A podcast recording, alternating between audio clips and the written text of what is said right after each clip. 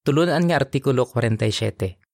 Ini nga artikulo pagatunan sa simana sang Enero 24 hasta 30. Mabakod gid bala ang imo pagtuo? Teksto nga ginbasihan sini nga artikulo. Hindi kamo magkasubo. Magtuo kamo. Juan 14:1. Ambahanon 119. Dapat may pagtuo kita. Ang binagbinagon sa sini nga artikulo. Gusto na gid naton nga matapos ining malain nga sistema pero kung kay isa, mahimo nga ginahuna-huna naton kung bala mabakod ang aton pagtuo, kag kung bala makabuli gini sa aton nga makabatas asa sa katapusan. Sa sining nga artikulo, binagbinago naton ang pila ka eksperyensya kag ang matun-an naton sa sining nga makabulig sa aton nga mapabakod ang aton pagtuo. Para po uno, pamangkot. Ano ang posible nga ipamangkot naton sa aton kaugalingon? Kabalo kita nga malapit na lang laglagon ang butig nga relihiyon ang pagsalakay sang gugsang magog kag ang inaway sang Armageddon. Nabala ka kabala kon kay isa kon mahuna-huna mo ini? May tion bala nga napamangkot mo ang imo kaugalingon. Makapabilin ayhan ako nga matutom kon mag-abot na ining makahaladlok nga mga hitabo. Kung nahuna-huna mo na ini nga mga pamangkot, makabuligid sa imo ini nga artikulo. Ginabinagbinag sa sini ang ginsiling ni Jesus sa iyang mga disipulo. Hindi kamo magkasubo, magtuo kamo, Juan 14.1 Kung mabakod ang aton pagtuo, mangin kalmado kita anuman ang matabo sa palaabuton. Para po dos, pamangkot. Paano naton mapabakod ang aton pagtuo? Kagano ang binagbinago naton sa sining artikulo? Kung binagbinago naton ang ginahimo naton kung ginatilawan ang aton pagtuo, makabuli gini sa aton nga mabalaan kung ano ang dapat naton himuon para magbakod ang aton pagtuo. Ano ang ginahimo naton kung ginatilawan kita? Kung pamalandungan naton ini nga pamangkot, mabalaan naton kung diin kita mapokus para pabakuron ang aton pagtuo. Sa kada tion nga mabatas naton ang pagtilaw, mas nagabakod ang aton pagtuo. Makabuli gini sa aton nga mabatas ang mga pagtilaw sa palaabuton. Sa sining nga artikulo, binagbinago naton ang apat ka sitwasyon nga naeksperyensyahan sa mga disipulo ni Jesus ginapakita sini nga kinahanglan nila pabakuron ang ila pagtuo. Dayon, binagbinago naton kung paano naton mabatas ang pareho sini nga mga problema subong. Kag kung paano ini makabulig sa aton nga manginhanda sa matabo sa palaabuton. Dapat kita magtuo nga ihatag sang Dios ang aton mga kinahanglanon. Para po tres, pamangkot. Suno sa Mateo 6:30 kag 33, ano ang gusto ipahangop sa ato ni Jesus parte sa pagtuo? Gusto gid sang ulo sang pamilya nga amanan sang bastante nga pagkaon, bayo kag ilistara ng iya asawa kag kabataan. Hindi ini mahapos imuon kun kaisa sa sining mabudlay nga sitwasyon. Nadulaan sang obra ang pila naton kakauturan, kag wala sila nakakita sang bag-o nga obra bisan pa sang ilang mga pagpanikasog. May iba naman nga ginhatagan sang obra, pero ginpangindian nila ini kay nagalapas ini nga obra sa mga prinsipyo sa Biblia. Sa sini nga mga sitwasyon, dapat mabakod ang aton pagtuo nga amanan gid ni Jehova ang aton pamilya. Ginsiling ini ni Jesus sa iyang mga disipulo sa sermon sa bukid. Ang Mateo 6.30 nagasiling, Kung ginapapanaptan sang Dios kaangay sini ang mga tanom sa latagon nga yari karon kag buwas idapong sa pugon, hindi ba lalabi nga panaptan niya kamo? Kamo nga jutay sing pagtuo? Ang bersikulo 33 nagasiling, Gani, padayon ninyo nga unahon ang pagpangita sa ginharian kag sa pagkamatarong sang Dios, kag initanan idugang sa inyo. Kung kumbinsido gid kita nga hindi kita pagpabayaan ni Jehova, makapokus kita sa pag-alagad sa iya. Kung mangin maathag sa aton nga ginabuligan gid kita ni Jehova sa aton mga kinahanglanon, mas magasuod pagi kita sa iya kag magabakod ang aton pagtuo. Para po 4 kag 5. Pamangkot. Ano ang nakabulig sa isa ka pamilya sang nagkaproblema sila parte sa ilang mga kinanglanon? Binagbinaga kung paano ginbuligan ni Jehova ang isa ka pamilya sa Venezuela sang nagkaproblema sila parte sa ilang mga kinanglanon. Sang una, may uma ang pamilya Castro. Gani bastante ang ila kwarta para sa ilang mga kinanglanon pero ginkuha sang armado nga mga tawo ang ila propiedad kag ginpahalin sila. Ang amay nga si Miguel nagsiling. Subong, Nagapanguma na lang kami sa gamay nga duta nga ginapanag-iyahan sang iban. Ang una ko gid nga ginahimo kada adlaw amo ang pagpangamuyo kay Jehova nga hatagan kami sang amon mga kinanglanon sa sinang adlaw. Mabudlay gid ang ila sitwasyon. Pero nagatuo gid sila nga masarangan sang aton mahigugmaon nga amay nga iaman ang ila mga kinahanglanon kada adlaw. Pangod sini, regular nga naga-attend sa mga meeting sang kongregasyon kay nagabantala ang pamilya Castro. Ang pag-alagad kay Jehova amo ang pinakaimportante sa ila kabuhi, kag ginaamanan sila ni Jehova sang ila mga kinahanglanon. Sa sining mabudlay nga sitwasyon, ginpabaluran ni Miguel kag sang iya asawa nga si Yuray ang pag-atipan ni Jehova sa ila. Kun kaisa, ginagamit ni Jehova ang mga kauturan para hatagan sila sang pila nila kakinanglanon o kun para buligan si Miguel nga makakita sang obra. Kun kaisa naman, ginagamit ni Jehova ang branch office para hatagan sila sang pila nila kakinanglanon. Wala gid sila ginpabayaan ni Jehova. Gani nagbakod ang pagtuo sang ila pamilya. Pagkatapos masugid sang ila ka magulangan nga anak nga si Jocelyn, ang isa ka halimbawa kung paano sila ginbuligan ni Jehova, nagsiling siya. Makapaligon gid nga makita kung paano kami ginbuligan ni Jehova. Para sa akon, isa siya kaabyan nga handa gid permi magbulik sa akon. Nagsiling pa siya. Ang mga problema nga naeksperyensyahan sang amon pamilya, nagbulig sa amon nga manginhanda sa mas mabudlay pagid nga mga problema sa palaaboton. Para po size. Pamangkot. Paano mo mapabakod ang imo pagtuo kung nagapamigado ka? Nagapamigado ka bala subong? Mabudlay gid ang imo sitwasyon. Pero pwede mo gihapon mapabakod ang imo pagtuo. Mga muyo kay Jehova kag basaha ang ginsiling ni Jesus sa Mateo 6:25 hasta 34 kag pamalandong ini. Binagbinaga ang mga eksperyensya sa aton tiun subong nga nagapamatuod nga ginaamanan ni Jehova ang mga nagahimo sang ilabugos nga masarangan sa pag-alagad sa iya. Kung himuon mo ini, magabakod ang imo pagtuo nga buligan ka sang aton amay sa langit kay ginbuligan man niya ang mga may pareho sa imo nga sitwasyon. Kabalo siya kung ano ang imo mga kinanglanon, kag kabalo siya kung paano ini ihatag sa imo. Kung maeksperiensyahan mo ang pagbulig ni Jehova, magabakod ang imo pagtuo kag makabulig ini sa imo nga mabatas ang mas mabudlay nga mga problema sa palaaboton. Ang kapsyon sang mga picture nagasiling. Kung makaeksperyensya kita sang kapigaduhon, buligan kita sang aton pagtuo nga magpoko sa pag-alagad kay Jehova. Kinahanglan naton ang pagtuo para mabatas ang mabaskog nga unos. Para po 7, pamangkot. Suno sa Mateo 8.23 hasta 26, paano natilawan ang pagtuo sang mga disipulo sang nag-abot ang mabaskog nga unos? Sang ara si Jesus kag ang iya mga disipulo sa sakayan, hinali lang nag-abot ang mabaskog nga unos. Gingamit ni Jesus ini nga sitwasyon para buligan sila nga mahangpan niya kinahanglan nila pabakuron ang ila pagtuo. Ang Mateo 8.23 hasta 26 nagasiling. Kagsang nagsakay siya sa sakayan, ang iyang mga disipulo nagsunod sa iya. Kag sa hinali lang nag-abot ang mabaskog nga uno sa dagat, amo nga ang sakayan daw matabunan na sang balod. Apang nagakatulog siya gihapon. Kagin palapitan nila siya kagin pukaw, nga nagasiling. Ginoo, luwasa kami, mapatay na kita. Apang nagsiling siya.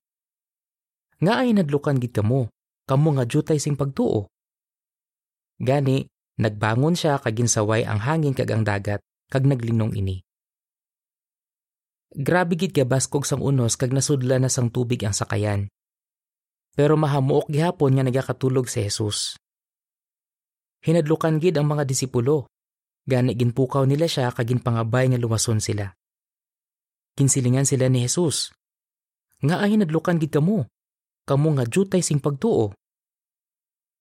Dapat nahangpan sininahadlok ng mga disipulo nga masarangan gid ni Jehova nga amligan si Jesus kag ang mga kaupod niya. Ano ang matun-an naton sa sini? Ang mabakon nga pagtuo makabuli sa aton nga mabatas ang mabaskog nga unos. Posible nga matuod ini nga bagyo o kung bisan ano nga problema nga daw pareho sang bagyo. Para po 8 kag 9. Pamangkot. Paano natilawan ang pagtuo ni Anel kag ano nakabulig sa iya? Binagbinaga ang eksperyensya ni Anel, nga isa kadalaga nga sister sa Puerto Rico. Nagbakod ang iya pagtuo bangod na batas niya ang isa ka mabudlay nga problema. Ang mabaskog nga unos nga nag-abot sa iya isagid ka matuod nga bagyo. Sang 2017, naguba ang balay ni Anel bangod sang bagyo nga Maria. Bangod sang bagyo, nadulaan man siya sang obra. Sa sining mabudlay nga sitwasyon, grabe gid ang ako niya kabalaka, siling ni Anel. Pero nabuligan ako sang pagpangamuyo nga magsalig kay Jehova kag indi magpadaog sa kabalaka. Nagsiling si Anel nga nakabulig man sa iya ang iya pagtuman para mabatas niya ang iya mga problema. Nagsiling siya.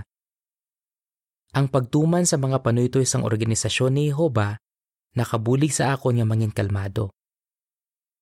Ginbuligan ako ni Jehova paagi sa mga kauturan. Ginpaligon nila ako kay ginhatagan nila ako sang akon mga kinahanglanon. Nagsiling pa siya. Sobra pa sa kinahanglan ko ang ginhatag sa ako ni Jehova. Kag nagbakod gid ang akon pagtuo. Para po Jis, pamangkot. Ano ang pwede mo himuon kung may ginabatas ka nga mabudlay gid nga problema? May ginabatas ka bala nga mabudlay gid nga problema? Posible nga mabudlay ang imo kahimtangan bangod sang kalamidad. O kung basi nagaluya gid ang imo buot kag indi ka kabalo sang imo himuon bangod sang malalang abalatian. Posible nga nabalaka ka kun kaisa, pero indi gid maguntat sa pagsalig kay Jehova. Magpalapit sa iya paagi sa hanuot nga pangamuyo. Pabakura ang imo pagtuo paagi sa pagpamalandong kung paano ka ginbuligan ni Jehova sang una. Makasalig ka nga indi ka gid pagpabayaan ni Jehova. Para po onse, pamangkot, nga dapat gid naton tumanon ang mga nagapanguna sa aton. Ano pa gid ang makabulig sa imo para mabatas mo ang mga problema? Ginsambit ni Anel ang parte sa pagtuman. Saligi ang mga ginasaligan ni Jehova kag ni Jesus. Kung kaisa, daw hindi naton mahangpan ang mga panuytoy nga ginahatag sang gintangdo nga mga nagapanguna. Pero ginapakamaayo ni Jehova ang mga nagatuman. Ginapakita sang iya pulong kag sa mga eksperyensya sang iya matutom nga mga alagad nga naluwas ang kabuhi sang mga nagatuman. Pamalandungi ini nga mga halimbawa. Kung himuon mo ini, mangin kumbinsido kapag nga dapat magitumanon ang mga panuytoy sang organisasyon ni Jehova Subong kag ang mga panuytoy sini sa palaabuton. Gani indi ka mahadlok sa dakong kapipitan nga malapit na lang gid matabo. Ang caption sa mga picture nagasiling. Kung mabakod ang aton pagtuo, mabatas naton ang matuod nga bagyo o kung ang bisan ano nga problema nga daw pareho sang bagyo. Kinahanglan naton ng pagtuo para mabatas ang inhustisya. Para po 12, pamangkot. Suno sa Lucas 18.1 hasta 8, paano makabulig ang pagtuo para mabatas naton ang inhustisya? Kabalo sa Jesus nga matilawan ang pagtuo sang iyang mga disipulo bangod sang inhustisya. Para mabuligan sila nga mabatas ini, nagsugid siya sang isa ka ilustrasyon nga mabasa sa libro sang Lukas. Ginsugid ni Jesus ang parte sa isa ka balo nga babayi nga nagbalik-balik sa isa ka indi matarong hukom kay nagapangayo siya sang katarungan. Sigurado siya nga buligan siya sang hukom kung hindi siya maguntat sa pagpangabay sa iya. Sang ulihi, ginhimo sang hukom ang iya ginpangabay. Ano ang matun-an naton sa sini? Matarong si Jehova. Gani nagsiling si Jesus. Kun amo, hindi ba lahatagan sang Diyos ang katarungan ng iya mga pinili nga nagapanawag sa iya adlaw kagabi? Ang Lucas 18.1 hasta 8 nagasiling. Dayo nagsugid si Jesus sa iya mga disipulo sang isa ka ilustrasyon tuhoy sa kinahanglanon niya magpangamuyo sila pirmi ag hindi magpangampo nga nagasiling. Sa isa ka syudad may isa ka hukom nga wala sing kahadlok sa Dios kag wala sing pagtahod sa tawo. Sa sinaman nga syudad may isa ka balo nga babayi nga nagabalik-balik sa iya kag nagasiling. Patura nga makatigayon ako sing katarungan sa akon kasumpong sa kasuguan. Sa malawi nga tion, Hindi niya luya nga magbulig sa iya. Apang sang ulihi, naghuna-huna siya. Bisan pa wala ako nagakahadlok sa Dios o kung nagatahod sa kay bisan sino nga tawo, paturon ko nga makatigayon sing katarungan ining balo, agud hindi na siya magbalik-balik kag gamuhon ako kay natak-an na ako sa iya. Kagang Ginoo nagsiling. Pamatiin ninyo ang ginsiling sang hukom, bisan pa hindi siya matarong. Kun amo, hindi ba lahatagan sang Dios sing katarungan ang iya mga piniling ang nagapanawag sa iya adlaw kagabi? Mangin mapailubon man siya sa ila. Nagasiling ako sa inyo, hatagan niya sila gilayon sing katarungan. Apang, kung mag-abot ang anak sang tawo, makakita gid bala siya sini nga pagtuo sa duta? Nagsiling pa si Jesus. Kung mag-abot ang anak sang tawo, makakita gid bala siya sini nga pagtuo sa duta? Kung maka-eksperyensya kita sang inhustisya, dapat kita mangin mapinasinsyahon kag indi kita dapat maguntat sa pag-alagad. Paagi sa sini, ginapakita naton nga may mabakod kita nga pagtuo, pareho sang balo nga babayi. Kung may amo kita sini nga pagtuo, sigurado kita nga buligan kita ni Jehova. Dapat man kita mangin kumbinsido nga makabuligid sa aton ang pangamuyo. Kung kaisa, mahimo sabto ni Jehova ang aton pangamuyo sa paagi nga wala naton ginapaabot ang kapsyon sa mga picture na gasiling. Kung padayon kita nga mga muyo, magabakod pagid ang aton pagtuo. Para po 13, pamangkot. Paano nakabulig ang pangamuyo sa isa ka pamilya nga naka-eksperyensya sang inhustisya? Binagbinaga ang eksperyensya sang isa ka sister nga si Biro, nga taga Democratic Republic of the Congo. Ginsalakay ang ila baryo sa mga soldado. Gani nagpalagyo si Biro upod ang iya bana nga indi saksi kag ang ila 15 anyos nga bata nga babayi. Samtang nagapalagyo sila, nakalabay sila sa isa kadalan nga may nagabantay nga mga soldado. Ginpapundo sila sa mga soldado kag ginpahog sila nga patyon sila. Sang nagibi si Bero, ginpakalma siya sang iya bata. Matunog nga nangamuyo ang iya bata kag sulit-sulit niya nga ginsambit ang ngalan ni Jehova sa iya pangamuyo. Pagkatapos niya pangamuyo, ginpamangkot siya sang commander sa mga soldado. Inday, sino ang nagtudlo sa imo kung paano mga muyo? Nagsabat siya. Si nanay ang nagtudlo sa akon. Kagingamit niya ang pangamuyo sa Mateo 6.9 hasta 13 sang gintudloan niya ako. Ang commander nagsiling. Inday, pwede na kamo makalakat sang imo mga ginikanan. Kagkabay pa nga amligan kamo sang inyo Diyos nga si Jehova. Para po 14, pamangkot. Ano ang posible nga magtilaw sang aton pagtuo? Kaganong makabulig sa aton nga makabatas? Ang mga eksperyensya pareho sininegatudlo sa aton nga importante gid ang pangamuyo. Pero ano abi kung wala dayon kinsabat ang imo pangamuyo o kung hindi tumalagsahon ang sabat sa sini? Pareho sa balo sa ilustrasyon ni Jesus, padayon nga mga muyo, kag magsaling nga indi ka pagpabayaan sang aton Dios, kag sabton gid niya ang imo pangamuyo sa ulihi. Padayon nga magpangabay kay Jehova, nga hatagan ka sang iya balaan nga espiritu. Tandai nga sa ulihi malipatan mo na ang imo ginantos, bangod sang madamo nga pagpakamaayo nga ihatag ni Jehova sa imo. Kung ginabatas mo ang mga pagtilaw sa bulig ni Jehova, mas magabakod kapagid kag mabatas mo ang mga pagtilaw sa palaabuton. Kinahanglan naton ang pagtuo para mabatas ang mga kabudlayan. Para po 15, pamangkot.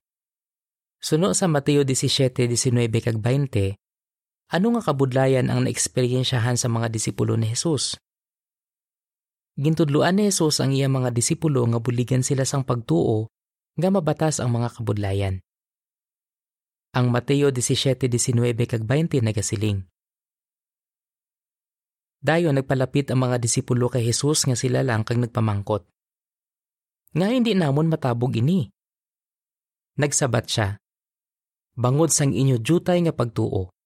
Kaysa pagkamatuod nagasiling ako sa inyo kung may pagtuo kamo nga subong kadako sang binhi sang mustasa, makasiling kamo sa sini nga bukid. Saylo didto, kag magasaylo ini, kag ang tanan mahimo ninyo. Isa ka bes, hindi nila matabog ang isa ka demonyo bisan pa nahimo na nila inising madamo nga beses. Nga a? Ginpaathag ni Jesus nga kinahanglan nila dugangan ng ila pagtuo. Ginsilingan niya sila nga kung bastante ang ila pagtuo, masarangan nila ang bisan ano nga kabudlayan bisan pa daw bukid ini kadako. Subong, posible man kita maka-eksperyensya sa mga kabudlayan nga daw hindi naton masarangan. Para po 16. Pamangkot. Sanggin patay ang bana ni Gady Paano nakabulig ang pagtuo para mabatas niya ang grabe nga kasubo? Binagbinaga ang eksperyensya sang isa ka sister nga si Gady nga taga Guatemala. Ginpatay ang iya bana nga si Eddie samtang nagapauli sila halin sa isa ka meeting sang kongregasyon. Paano nakabulig ang pagtuo para mabatas ni Gady ang grabe nga kasubo? Nagsiling siya. Gintugyan ko kay Jehova ang akong ginabatsyag paagi sa pangamuyo gani nagtawhay ang ako no nauna. Nabatsyagan ko nga ginaatipan ako ni Jehova pagi sa akon pamilya kag mga abyan sa kongregasyon. Bangod ginahimo ko ang akon bugos nga masarangan sa pag-alagad kay Jehova, naghaganhagan ang kasakit nga akon ginabatsyag. Nabuligan man ako sini nga mag-focus lang sa nagakatabo kada adlaw, kag indi sobra nga mabalaka sa masunod nga adlaw. Natunan ko sa akon eksperyensya nga bisan anuman nga pagtilaw ang eksperyensyahan ko sa palaabuton, mabatas ko ini sa bulig ni Jehova ni Jesus kag sang organisasyon. Ang caption sa mga picture nagasiling. Kung maka-eksperyensya kita sang grabe nga kasubo, buligan kita sang pagtuo nga mahimo gyapon ang aton bugos nga masarangan sa pag-alagad kay Jehova. Para po 17. Pamangkot, ano ang pwede naton himuon kung may problema kita nga daw bukid kadako? Nagapangasubo ka bala bangod na patayang imo pinalangga? Pabakura ang imo pagtuo sa paglaom nga pagkabanhaw, paagi sa pagtuon sa mga kasaysayan sa mga ginbanhaw nga mabasa sa Biblia. Nagapangasubo ka bala bangod na disfellowship ang isa ka membro sang inyo pamilya? Magtuon para mapamatud-an mo sa imo kaugalingon nga ang pagdisiplina sang Dios amo ang pinakamaayo. Ano man ang imo problema, gamita ini nga sitwasyon para mapabakod mo ang imo pagtuo. Isugid kay Jehova kung ano gid ang imo ginabatsyag.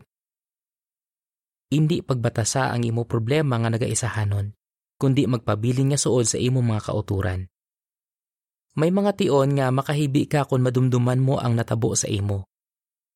Pero padayon gihapon nga himua ang mga hilikoton nga makabulig sa imo nga makabatas.